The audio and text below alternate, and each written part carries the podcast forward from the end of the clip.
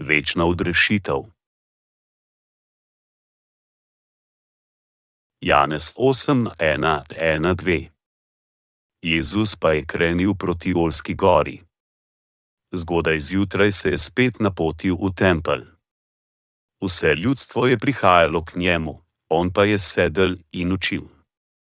Pismovki in farizeji so tedaj pripeljali ženo, ko so jo zalotili pri prešutvovanju.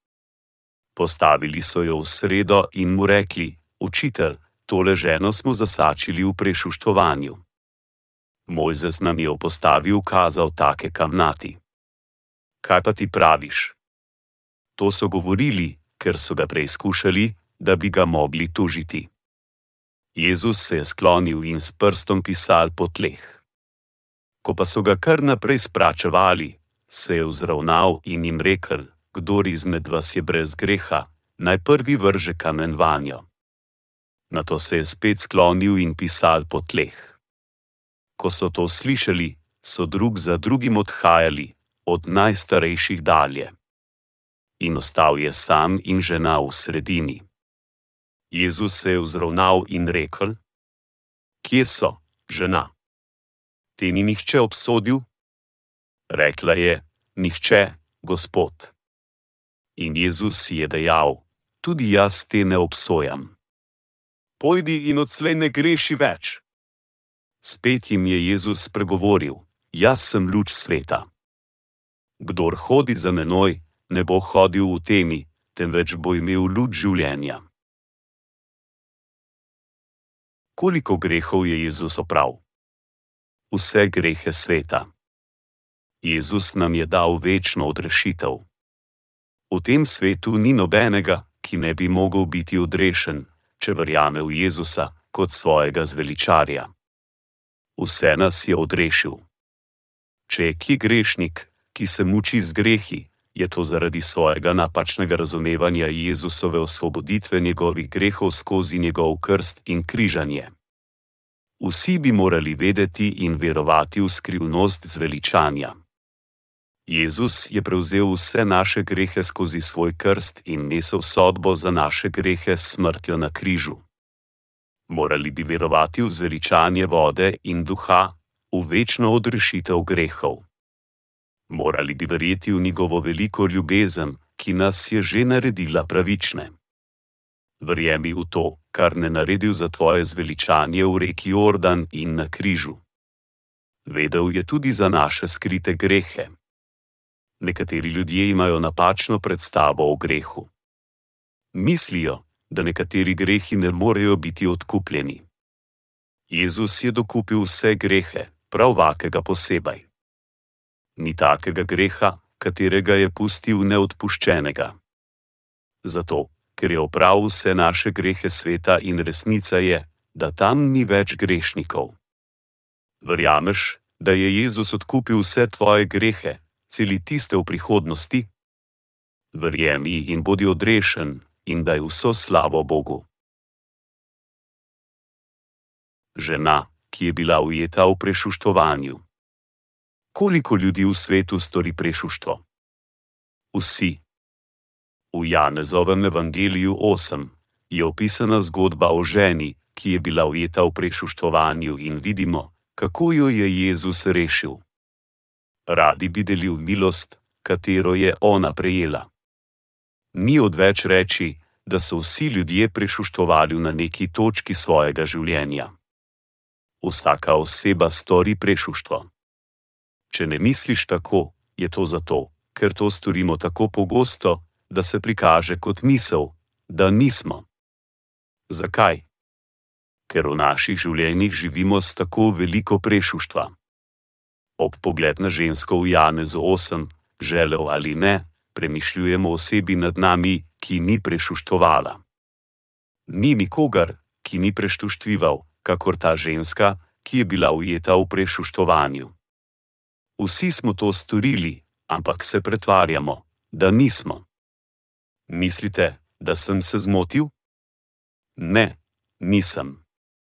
Poglej pozorno.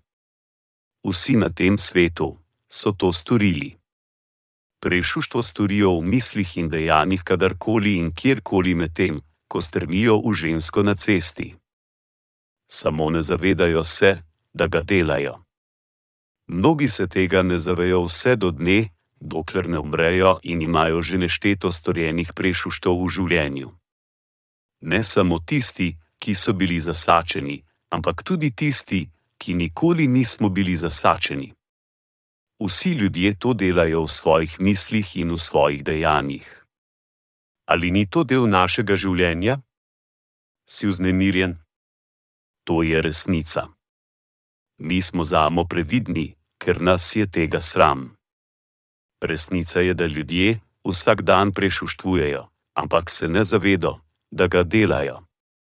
Ljudje prešuštvujejo tudi v duši. Mi, katere nas je ustvaril Bog, živimo na tej zemlji, brez da bi se zavedli, da mi tudi duhovno prešuštvujemo. Čaščenje drugih bogov je isto kakor duhovno šrešuštovanje, ker je Gospod edini mož celega človeštva. Žena, katera je bila ujeta v dejanju, je bila človeško bitje, kakor mi in sprejela je božjo milost, kakor mi, ki smo bili odkupljeni ampak hinovski farizeji so jo postavili med se in kazali s prsti na njo, kakor da so sodniki, ki bojo vrgli kamenje v njo. Grajali in sodili so jo, kakor da so oni sami čisti in da nikoli niso storili prešuštva. Prijatelji kristijani, ki poznajo sami sebe kot mase greha, ne sodijo druge pred Bogom. Vedoč, da so sami storili prešuštvo v življenju, raje sprejemajo božjo milost, ki nas je vse odrešila. Kdo sprejema božjo milost? Kdo sprejema božjo milost? Neuredni. Ali tisti, ki živi čisto, brez da bi storil prešuštvo, sprejema njegovo milost, ali tisti, ki ni ureden, kateri prizna sam sebi, da je grešen, sprejema njegovo milost. Tisti, ki sprejme milost, je tisti, ki sprejme obilno milost njegovega odrešenja. Tisti, ki si ne morejo pomagati, slabi in nemočni, sprejmejo odrešitev. To so tisti, ki so v njegovi milosti. Tisti, ki mislijo, da so brez greha, ne morejo biti odrešeni. Kako lahko sprejmejo milost njegovega odrešenja, če tam ni ničesar za odrešiti? Pismovki in farizeji so zvlekli ženo, ki je bila ujeta v dejanju prešuštva, pred Jezusa v sredino in ga vprašali: Učitelj, tole ženo smo zasačili v prešuštovanju. Mojzes nam je opostavil kazal take kamnati. Kaj pa ti praviš? Zakaj so pripeljali ženo pred njega in ga testirali? Tudi sami so mnogokrat zagrešili prešuštvo, pa so poskušali soditi ženi in jo ubiti preko Jezusa, da bi ga lahko krivili. Jezus je vedel, kaj je v njihovih mislih in vse vedel o ženi. Zato je rekel: Kdor izmed vas je brez greha, naj prvi vrže kamen vanjo. Potem so pismovki in farizeji, od najstarejšega do najmlajšega, eden po eden odhajali in Jezus je ostal sam z ženo. Tisti, kateri so odšli si pismovki in farizeji, religiozni vodje. Hoteli so soditi ženi, ki je bila ujeta v samem dejanju prešuštva, kakor da sami niso bili grešniki. Jezus je v tem svetu proklamiral svojo ljubezen. Bil je gostitelj ljubezni. Jezus je ljudem dajal hrano, obujal mrtve, nazaj dal življenje sinu udove, ponovno užival Lazarja in Betaneje, pozdravil gobejce in revežem storil čudeže. Vzel je vse grehe vsem grešnikom in jim dal zveličanje. Jezus nas ljubi. On je vsemogočni, ki lahko naredi vse, ampak pismovki in farizeji so mislili, da je njihov sovražnik. Zato so pripeljali ženo pred njega in ga testirali. Dejali so, učitelj, tole ženo smo zasačili v prešuštovanju. Mojzes nam je opostavil kazal take kamnati. Kaj pa ti praviš? Mislili so, da jim bo rekle naj jo kamnajo. Zakaj? Če bi sodili potem, kakor je zapisano v Božjem zakonu, bi vsi brez izjeme, ki bi storili prešuštvo, bili kamnani. Vsi bi morali biti kamenjeni in biti vrženi v pekel. Plača za greh je smrt. Kakorkoli, Jezus ni naročil, da jo kamnajo. Namesto tega je rekel: Kdor izmed vas je brez greha, naj prvi vrže kamen vanjo. Zakaj nam je Bog dal 613 členov zakona? Da bi se zavedli, da smo grešniki. Zakon prinese srd. Bog je svet in njegov zakon tudi. Ta zakon nam prihaja v 613 členih. Razlog, zakaj nam je Bog dal 613 članski zakon, je, da se zavemo, da smo grešniki, da smo nepopolna bitja. Uči nas, da moramo hrepeneti po božji milosti, da bi bili odrešeni. Če tega nismo vedeli in smo razmišljali samo o tem, kar je zapisano v zakonu, bi morda morali biti kamnati do smrti, kakor ženska, ki je bila ujeta v dejanju prešuštva. Pismovki in farizeji, ki niso resnično poznali zakona, bi mogoče mislili, da lahko vržejo kamen v to ženi in verjetno tudi v nas. Ampak kdo bi si upal vreči kamen v brezupno žensko, ki je enako grešna oseba? Pa če tudi je bila ujeta v dejanju, nihče na svetu ne bi mogel vreči kamen v njo. Če bi žena in vsak od nas bil sojen po zakonu, mi bi, kot ta žena, sprejeli grozno obsodbo. Ampak Jezus nas je odrešil, mi, ki smo grešniki, naših grehov in pravične sodbe.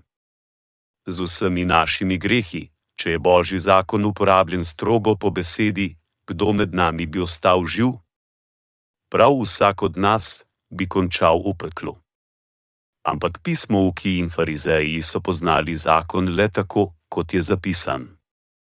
Če je njegov zakon pravilno uporabljen, bi jih ubilo, kakor tistega, katerega so sodili.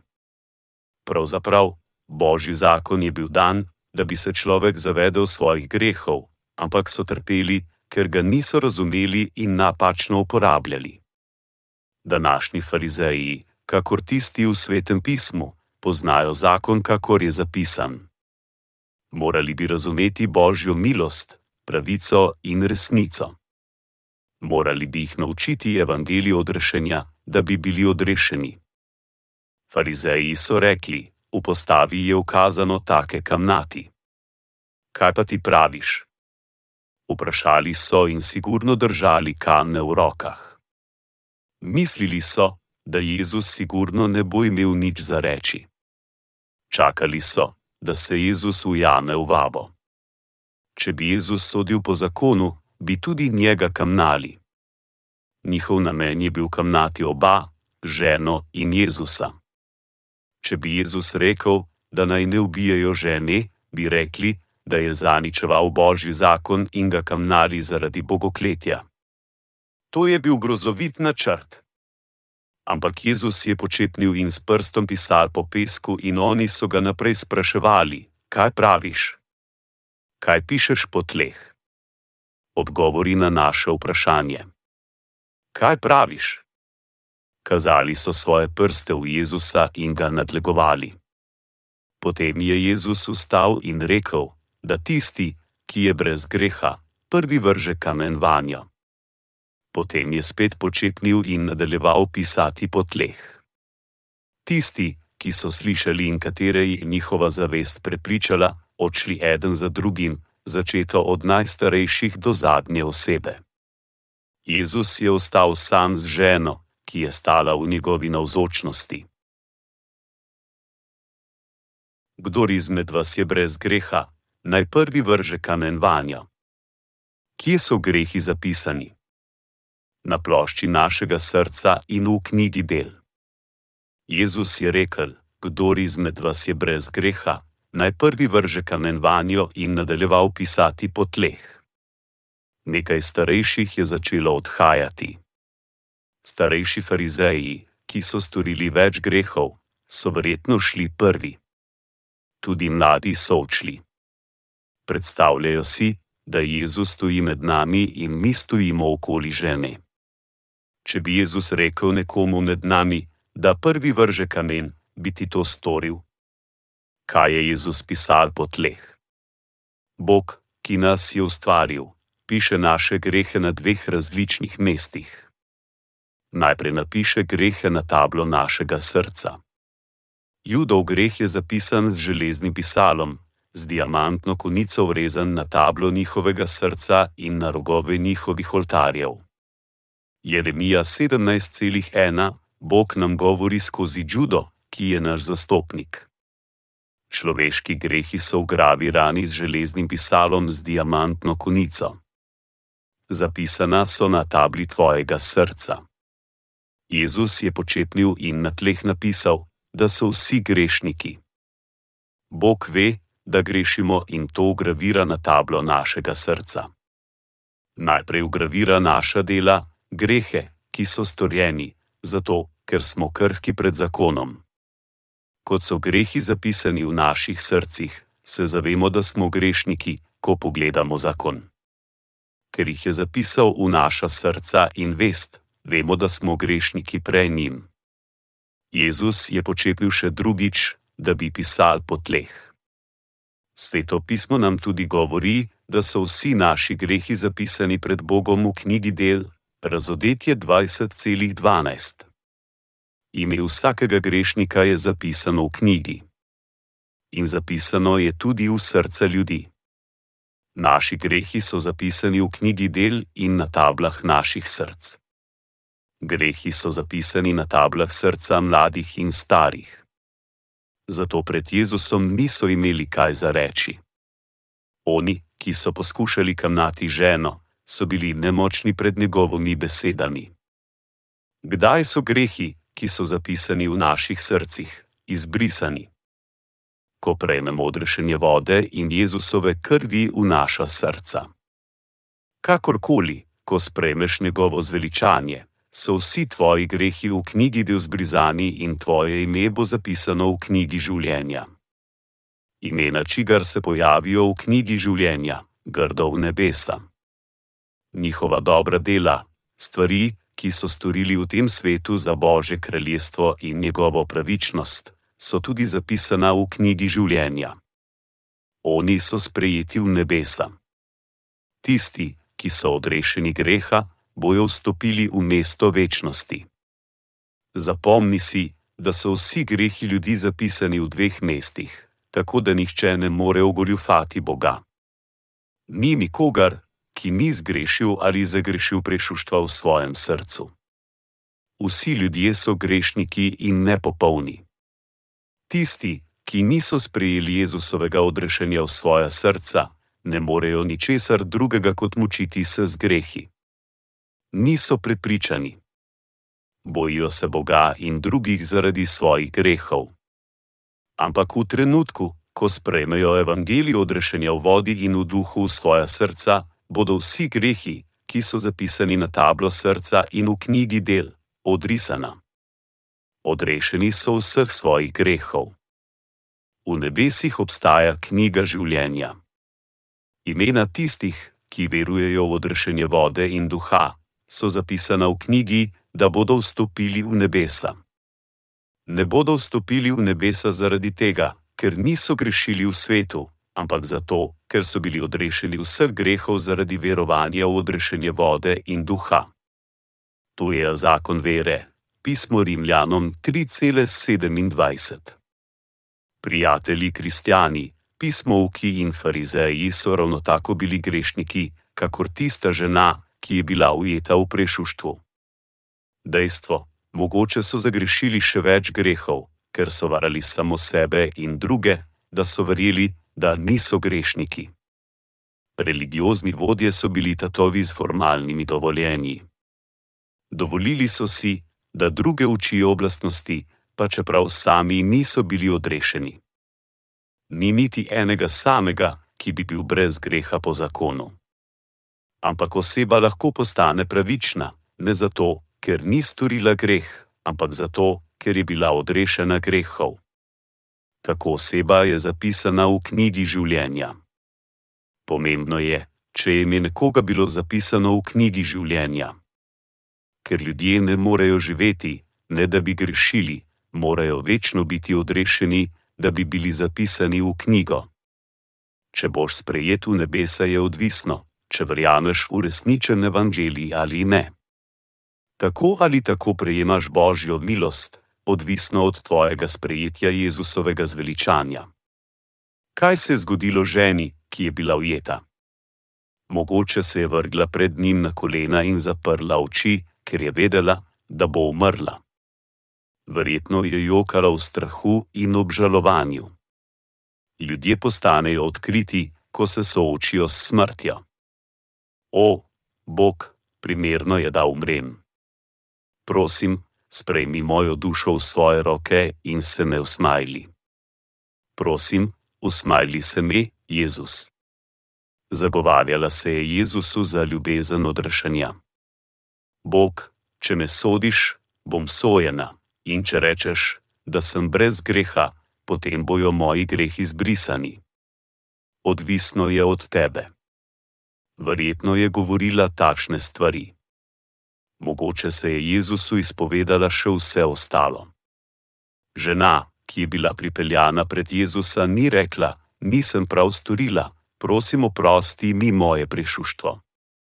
Rekla je: Prosim, reši me mojih grehov, če odkupiš moje grehe, bom odrešena. Če ne, grem upkov. Potrebujem tvojo odrešitev.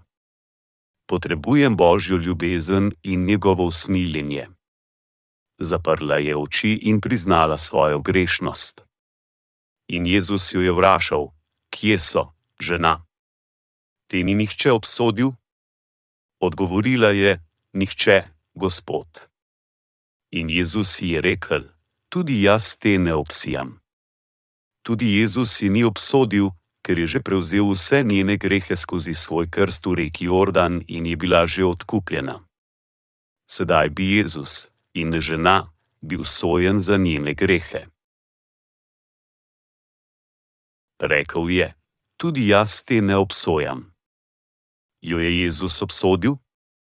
Ne. Ta žena je bila blagoslovljena z Jezusovim zveličanjem.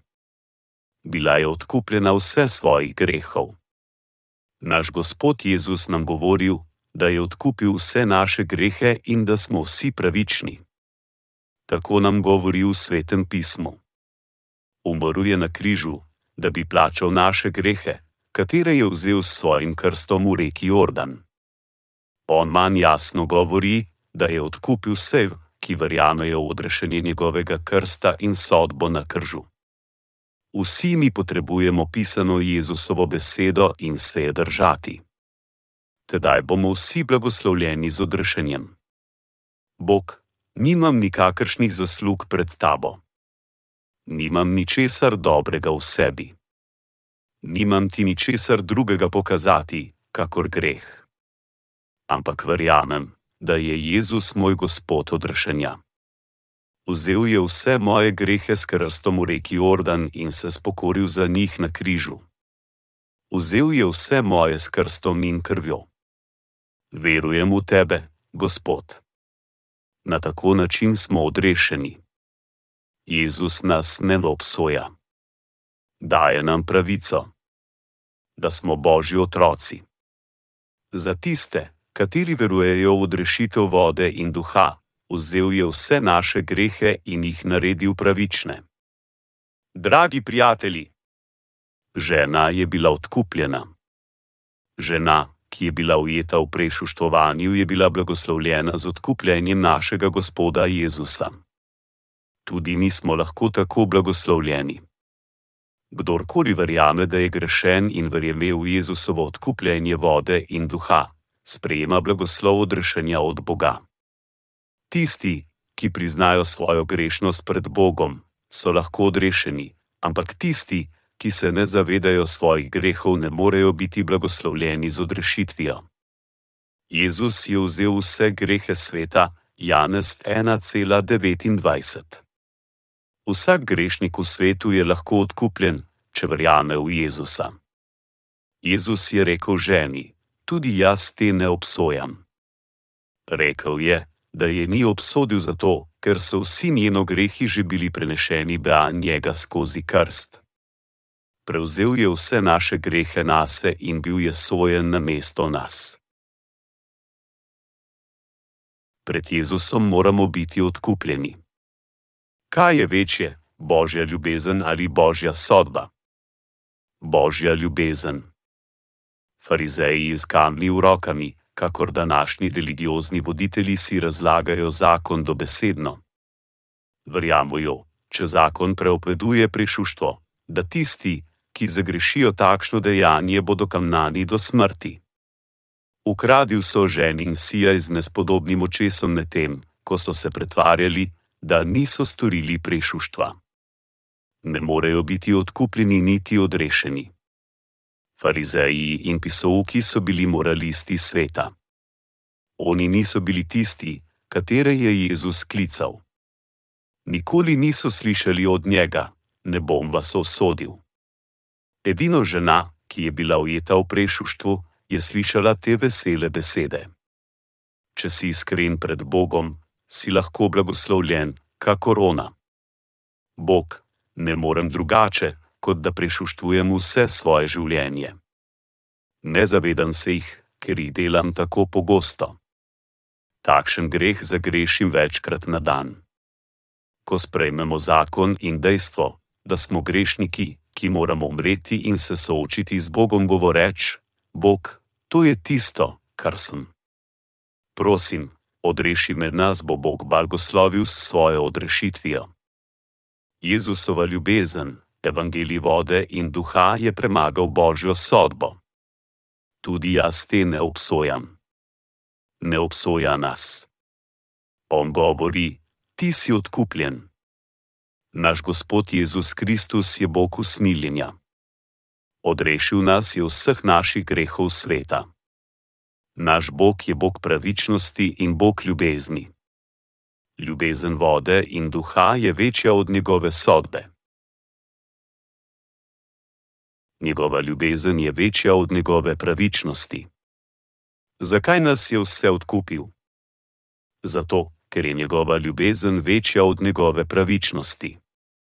Če nas je Bog uveljavil za svojo sodbo, da bi izpolnil svojo pravico, bi sodil vse grešike in poslal v pekel. Ampak ker je Jezusova ljubezen, ki nas rešuje sodbe, večja je Bog poslal svojega edinega sina Jezusa. Jezus je vzel vse naše grehe na sebe in sprejel pravično sodbo za vse nas. Sedaj, kdorkoli verjame v Jezusa kot v svojega odrešitelja, postane njegov otrok in pravičen. Ker je njegova ljubezen večja od njegove pravičnosti, nas je vse odkupil.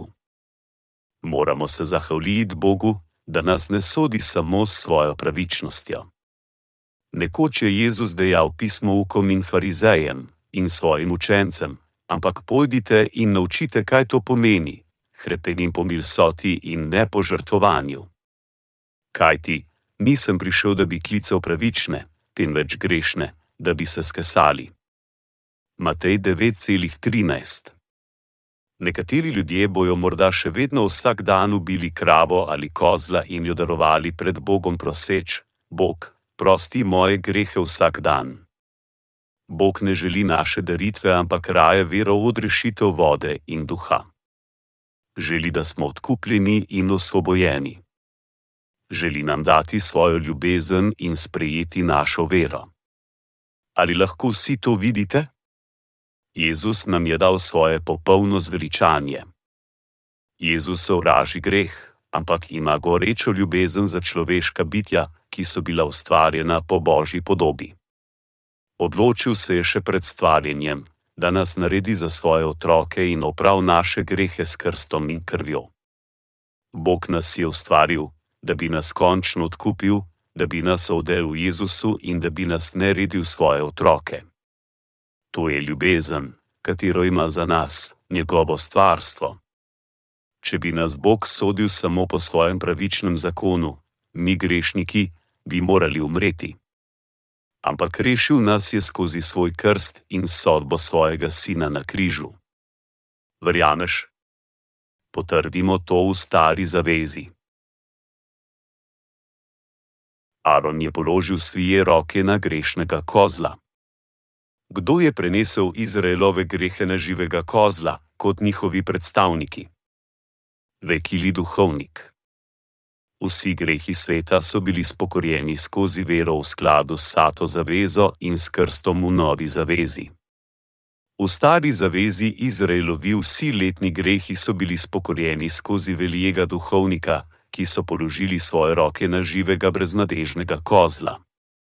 Aron je položil obe roki živemi kozlu na glavo in naj nad njim prizna vse krivde in hudodelstva Izraelovih sinov, vse njihove grhe, in jih naloži kozlu na glavo. Potem naj ga po pripravljenem možu pošlje v puščavo.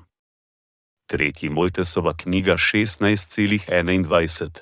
Na ta način so se v teh časih spokorili v stari zavezi da bi bili odkupljeni dnevnih grehov, je eden prinesel brezmadežno jagnje ali kozla v šotor in daroval na oltarju. Položil je roke nad glavo žrtve in potem so njegovi grehi bili prenešeni na žrtev. Potem je žrtev bila ubita in duhovnik je njeno kri namazal na rovč oltarja. Na štirih kotih oltarja so bili rogovi. Ti so predstavljali knjigo del, ki je zapisana v razodetju 20,12. Preostala žrtvovana kri je bila poškropljena tudi po tleh. Tla so predstavljala človeška srca, ker je bil človek ustarjen in zemlje. Ljudje so se spokorili na ta način. Kakorkoli, niso mogli dnevno darovati daritve za grehe, zato je Bog dovolil, da se spokorijo enkrat na leto za vse svoje letne grehe. To se je dogajalo na deseti dan sedmega meseca, na dan spokorjenja. Na ta dan je veliki duhovnik, Izraelov predstavnik, pripeljal dva kozla in položil roke na njih, da bi prenesel vse grehe ljudi na njih in jih daroval pred Bogom, da bi se spokoril za ljudi v Izraelu. Aron je položil obe roki živemi kozlu na glavo in naj nad njim prizna vse krivde in hudodelstva Izraelovih sinov, vse njihove grhe, in jih naloži kozlu na glavo. Bog je določil ravna, velikega duhovnika, za Izraelovega predstavnika. Namesto, da bi vsak posameznik položil roke na daritev, veliki duhovnik, kot predstavnik ljudi, je položil roke na živega kozla za odpuščanje letnih grehov.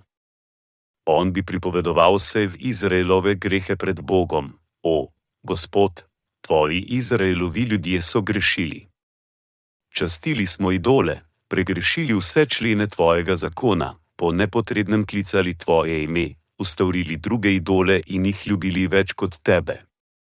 Nismo držali sveto soboto, nismo spoštovali svojih staršev, ubijali, prešuštovali in kradli. Uživali v ljubosumnosti in prepirali. Naštel je vse grehe. Bog, niti Izraelovi ljudje, niti jaz nismo bili zmožni se držati enega samega tvojega zakona. Da bi bili odkupljeni sveh naših grehov, polagam svoje roke na glavo tega kozla in prenašam nam vse te grehe. Veliki duhovnik je položil roke na daritev za vse ljudi in prenesel vse grhe na glavo žrtve. Ordiniranje ali polaganje rok pomeni prenesti, tretji Mojzesova knjiga 1, 1, 4, 1, 6, 2, nič 2, 1. Kako je bilo spokorjenje izvršeno v času stare zaveze? Skozi polaganje rok na glavo grešne žrtve. Bog je dal žrtvovalni sistem Izraelovim ljudem, zato da bi lahko prenesli vse svije grehe in bili odkupljeni. Podrobno je označil, da mora eden pripraviti grešno daritev brez greha in da naj grešna daritev umre na mesto osebe. Taka je bila odrešitev posameznega grešnika. Vendar, na dan spokorjenja, grešna žrtev je bila ubita in njena kri je bila vzeta znotraj svetega mesta in poškropljena po prestolu usmiljenja sedemkrat Izraelovi ljudje so bili spokorjeni enoletnih grehov na deseti dan sedmega meseca visoki duhovnik je šel v sveti prostor sam, da bi daroval žrtev. Ljudje pa so bili zunaj in poslušali zvoke zlatih zvončkov na robu halije velikega duhovnika. Zlati zvončki so zazvonili sedemkrat, medtem ko je kri bila poškorpljena na prestol milosti. Potem bi se ljudje radivali, da so vsi njihovi grehi bili spokorjeni. Zvok zlatih zvončkov obsega zvok radostnega evangelija. Ni res, da ima Jezus rad samo odrejene ljudi in da odkupljuje samo njih. Jezus je vzel vse grhe sveta, vse naenkrat s svojim krstom. Želel nas je osvoboditi enkrat za vselej. Naši grehi ne bi mogli biti odkupljeni vsak dan, zato so zbrisani naenkrat. V stari zavezi je bilo spokorjenje dano skozi ordiniranje in krvjo grešne daritve. Aaron je položil svoje roke na glavo živega kozla pred vsemi ljudmi in poslušal vse njihove grehe, katere so zagrešili čez leto. Prenesel je vse grehe na kozla pred Izraelovim ljudstvom. Kam so šli človeški grehi po polaganju rok velikega duhovika na grešnega kozla? Bili so prenešeni na kozla. Potem je kozla odpeljal v primeren mož kozo z vsemi Izraelovimi grehi na sebi, je bilo peljano v puščavo, kjer ni bilo ne vode, ne trave. Potem bi kozov taval po puščavi in na koncu umrl. Kozov je umrl za Izraelove grehe. To je božja ljubezen, ljubezen odkupljenja. Na tak način so se spokorili enoletno vrednih grehov na tedni. Ampak mi živimo v času nove zaveze. Bilo je že dva tisočih let, odkar je prišel Jezus na svet. Prišel je in izpolnil obljubo, ki jo je naredil v stari zavezi. Prišel je in nas vse odkupil. Da bi nas vse odkupil. Kaj je Jezusov pomen? Odrešitelj, ki bo odrešil svoje ljudstvo njihovih grehov. Preberimo Matejev Evangelij 1:2:1 ko je to premišljeval, se mu je v sanjah prikazal gospodov angel in rekel: Jožef, Davidov sin, ne boj se vzeti k sebi Marije, svoje žene, kar je spočela, je namreč od svetega duha. Rodila bo sina in daj mu ime Jezus, kajti on bo svoje ljudstvo odrešil grehov. Matej 1, 2, nič 2, 1.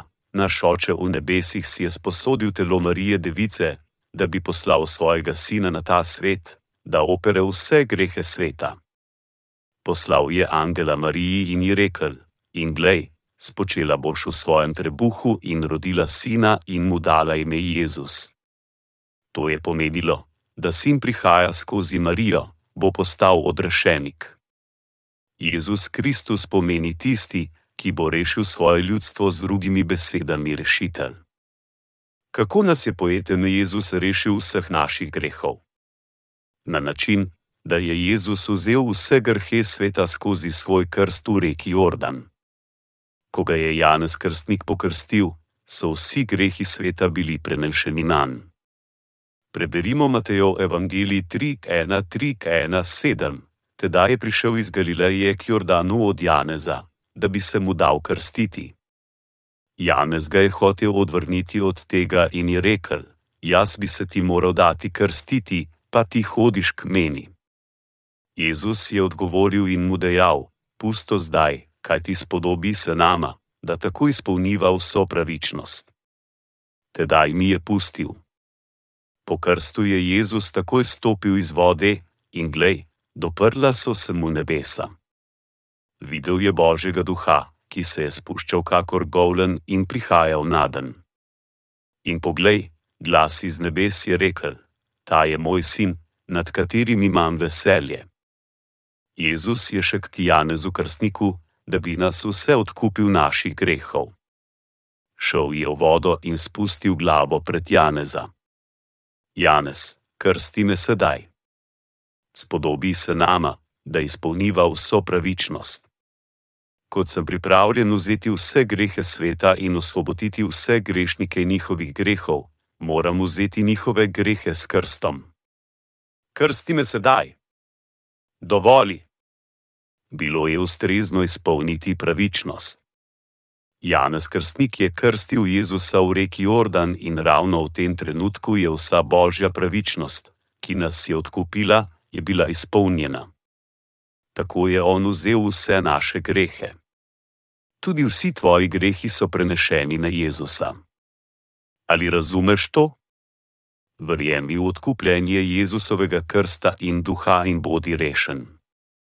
Kako je bila vsa pravičnost izpolnjena? Skozi Jezusov krst.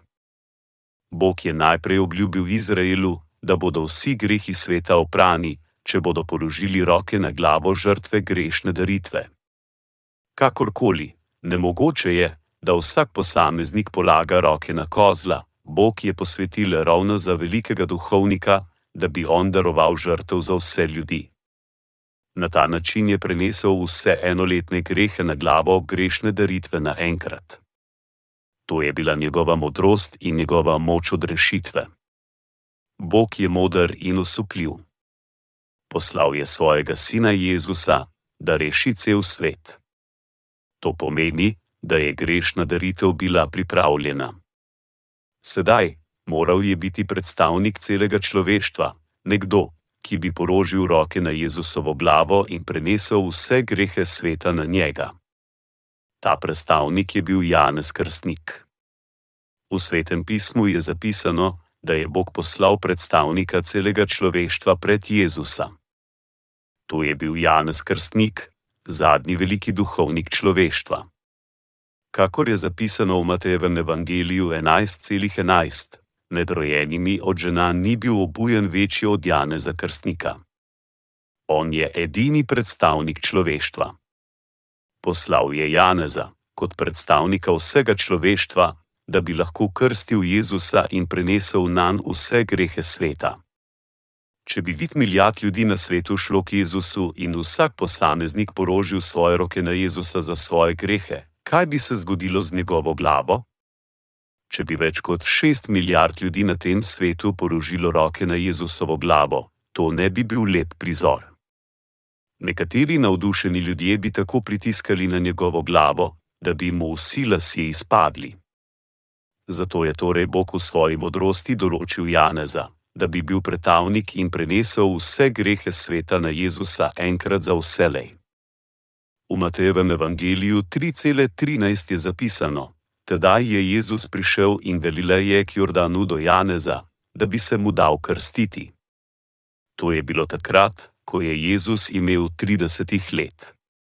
Jezus je bil obrezan osmih dni po svojem rojstvu in tam je še veliko zapisal o njem vse do takrat, ko je dopolnil 30 let.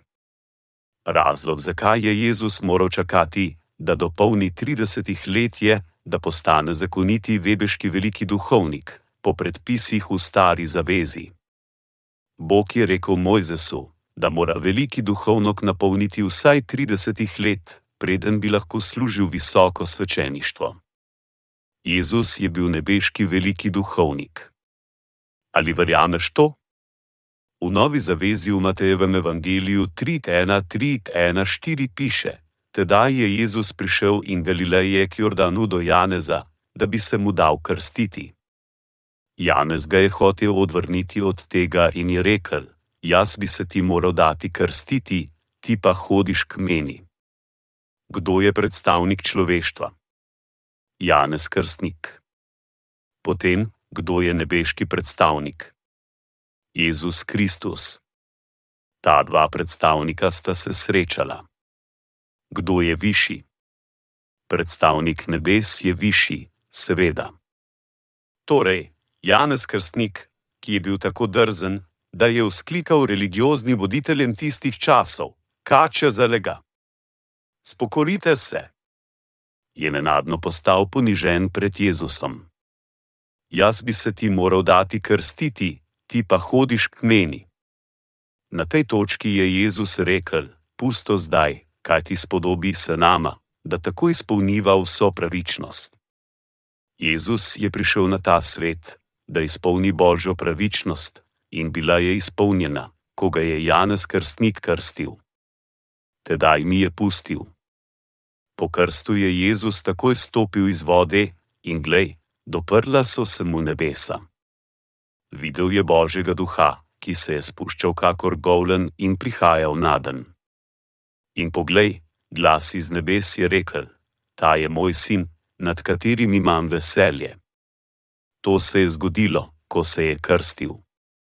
Nebeška vrata so se odprla, ko ga je Janez Krstnik krstil in vzel vse grehe sveta. Od dni Janeza Krstnika do zdaj si nebeško kraljestvo silo tira pot in močni ga osvajajo.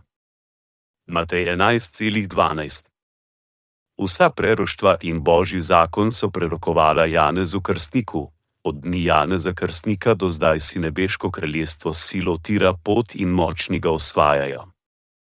Kdorkoli verjame v njegov krst, lahko brez izjeme vstopi v nebeško kraljestvo. Tudi jaz te ne obsojam. Zakaj je bil Jezus sojen na križu? Zato, ker je vzel vse naše grhe na križu. Janez Krstnik je krstil Jezusa in ta je vzel vse grehe sveta. Kasneje je rekel ženi, ki je prešutovala: Tudi jaz te ne obsojam. Ni obsodil žene, ker je vzel vse grehe sveta v Jordanu na sebe, tudi žena ni bila potrebna sojenja za te grehe. Jezus je upravil vse grehe sveta. Vidimo, kako ga je bilo star bolečine, ki jo je moral pretrpeti na križu, ker je plača za greh smrt.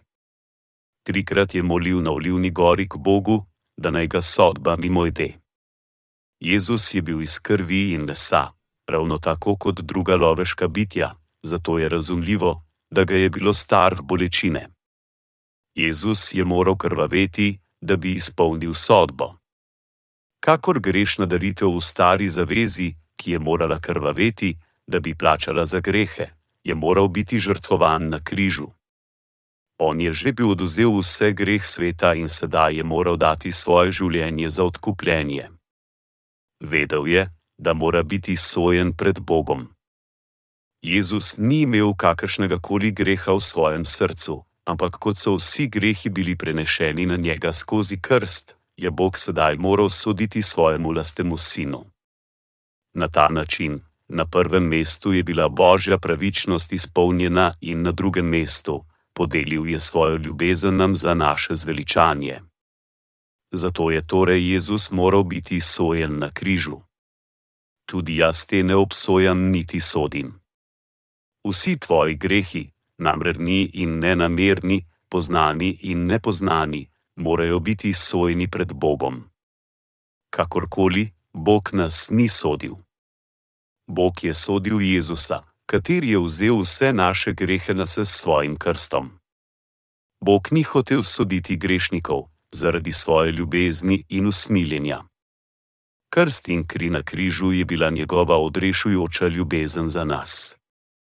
Bog je namreč svet tako izljubil, da je dal svojega edinorojenega sina, da bi se nihče, kdor van veruje, ne pogubi, ampak bi imel večno življenje. Janez 3,16, tukaj je to, kar verujemo o njegovi ljubezni.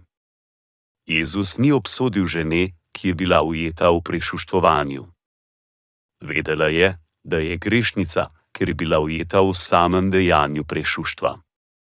Ni samo imela greha v svojem srcu, temveč ga je tudi nosila v svojem telesu. Ne bilo načina, da bi zanikala svoj greh. Kakorkoli, ker je verovala, da je Jezus vzel vse njene grehe, je bila rešena. Če verjamemo v Jezusovo odkupljenje, bomo rešeni. Verjemi to. To je za tvoje dobro. Kdo so najbolj blagoslovljeni? Tisti, ki nimajo greha. Vsi ljudje grešijo. Vsi ljudje storijo prešuštvo ampak vsi ljudje niso sojeni za svoje grehe. Vsi smo zgrešili, ampak tisti, ki verjamejo v odkupitev Jezusa Kristusa, so brez greha v svojih srcih. Tisti, ki verujejo v Jezusovo zveličanje, so najsrečnejši ljudje. Tisti, ki so odkupljeni od vseh grehov, so najbolj blagoslovljeni. Z drugimi besedami, oni so sedaj pravični v Jezusu. Bog nam govori o radosti v pismu Rimljanom 4,7, blagor tistim, ki so jim nepostavnosti odpuščene in so jim grehi prekriti. Mi vsi grešimo do endi, ko umremo. Mi smo brezzakoniti in nepopolni pred Bogom. Grešimo še naprej, pa čeprav se zavedamo njegovega zakona. Mi smo tako slabotni ampak Bog nas je osvobodil z krstom in krvjo svojega edinorojenega sina in nam govori, da ti in jaz nismo več grešniki in da smo sedaj pravični pred njim. On nam govori, da smo sedaj njegovi otroci. Evangelij vode in duha je evangelij večnega odkupljenja. Verjameš to? Tisti, ki verujejo, jih kliče pravični, odkupljeni in njegovi otroci. Kdo je najsrečnejša oseba na svetu? Tisti, ki veruje in je bil osvobojen po verovanju v resničen evangelij. Si že odrešen? Je Jezus zanemaril vzeti naše grehe? Ne, On je vzel vse naše grehe skozi svoj krst. Verjemi. Verjemi in bodi odkupljen vseh svojih grehov preberimo Janezov evangelij 1,29. Ravno tako, kot bi pometel z metlo. Koliko grehov je Jezus vzel? Vse grehe sveta. Naslednji dan je zagledal Jezusa, da prihaja k njemu, in je rekel: Glejte, Božje jagnje, ki oduzema greh sveta. Janez 1,29 Naslednji dan je zagledal Jezusa, da prihaja k njemu, in je rekel: Glejte, Božje jagnje, ki oduzema greh sveta. Janez Krstnik je prenesel vse grehe sveta na Jezusa na reki Jordan. Naslednji dan je pričaval, da je bil Jezus Božje jagnje, ki je oduzelo vse grehe sveta. Vzel je na svoje ramena vse grehe sveta. Vsi grehi svat so bili prepuščeni vsem grehom človeštva storjena v tem svetu, od ustvarjanja pa vse do konca. Pred 2000 leti je Jezus prevzel vse grehe sveta in nas odkupil. Kot Božje jagnje je vzel vse naše grehe in bil sojen na nesto v nas. Vas greh, ki ga mi človeška bitja storimo, so bila prenešena na Jezusa. Postal je Božje jagnje, ki je vzelo vse grehe sveta. Jezus je prišel na svet kot ponižen mož, kot tisti, ki bo rešil vse grešnike tega sveta. Mi storimo greh, ker smo slabotni, pokvarjeni, nevedni in zato, ker smo neumni in nepopolni. Z drugimi besedami, mi grešimo zato, ker smo podedovali greh od našega skupnega prednika Adama. Vsi ti grehi so bili pometeni in puščeni na Jezusovi glavi skozi njegov krst na reki Jordan. Vse je končal s smrtjo svojega telesa na križu. Bil je pokopan, ampak Bog ga je obudil od mrtvih tretji dan. Kot odrešenik vseh grešnikov, kot zmagovalec, kot sodnik, sedaj sedi na božji desnici. Ni mu nas treba ponovno odkupiti. Vse, kar moramo storiti, je, verjamemo v njega in bomo rešeni. Večno življenje čaka tiste, ki verujejo in uničenje, tiste, ki ne verujejo. Ne druge možnosti. Jezus vas je vse odkupil. Šest ste najsrečnejši ljudje na svetu. Šest boste sigurno storili greh v prihodnosti zaradi svoje slabosti, ampak On je te grehe vzel je ostal kakšen greh v tvojem srcu? Ne je Jezus vzel vse? Da, vzel je. Vsi ljudje so isti. Nihče ni bolj svet od svojega soseda. Ampak, ker so mnogi ljudje hinavci, verjamejo, da oni niso grešniki, pa čeprav so. Ta svet je rastlinjak, ki vzgaja greh.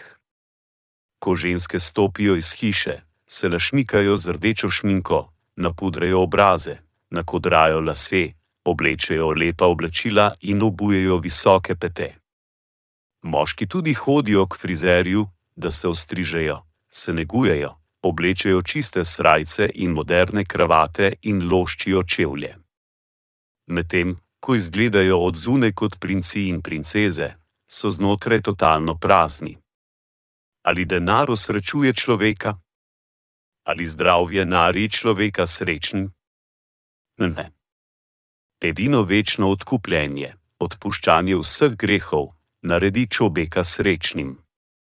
Ne glede kako srečna oseba izgleda na zunaj, je oseba nesrečna, če ima greh v srcu, tako oseba živi v strahu pred sodbo. Odrešena odeba je drzna kakor lev, celo v cunjah. Ni greha v njenem srcu.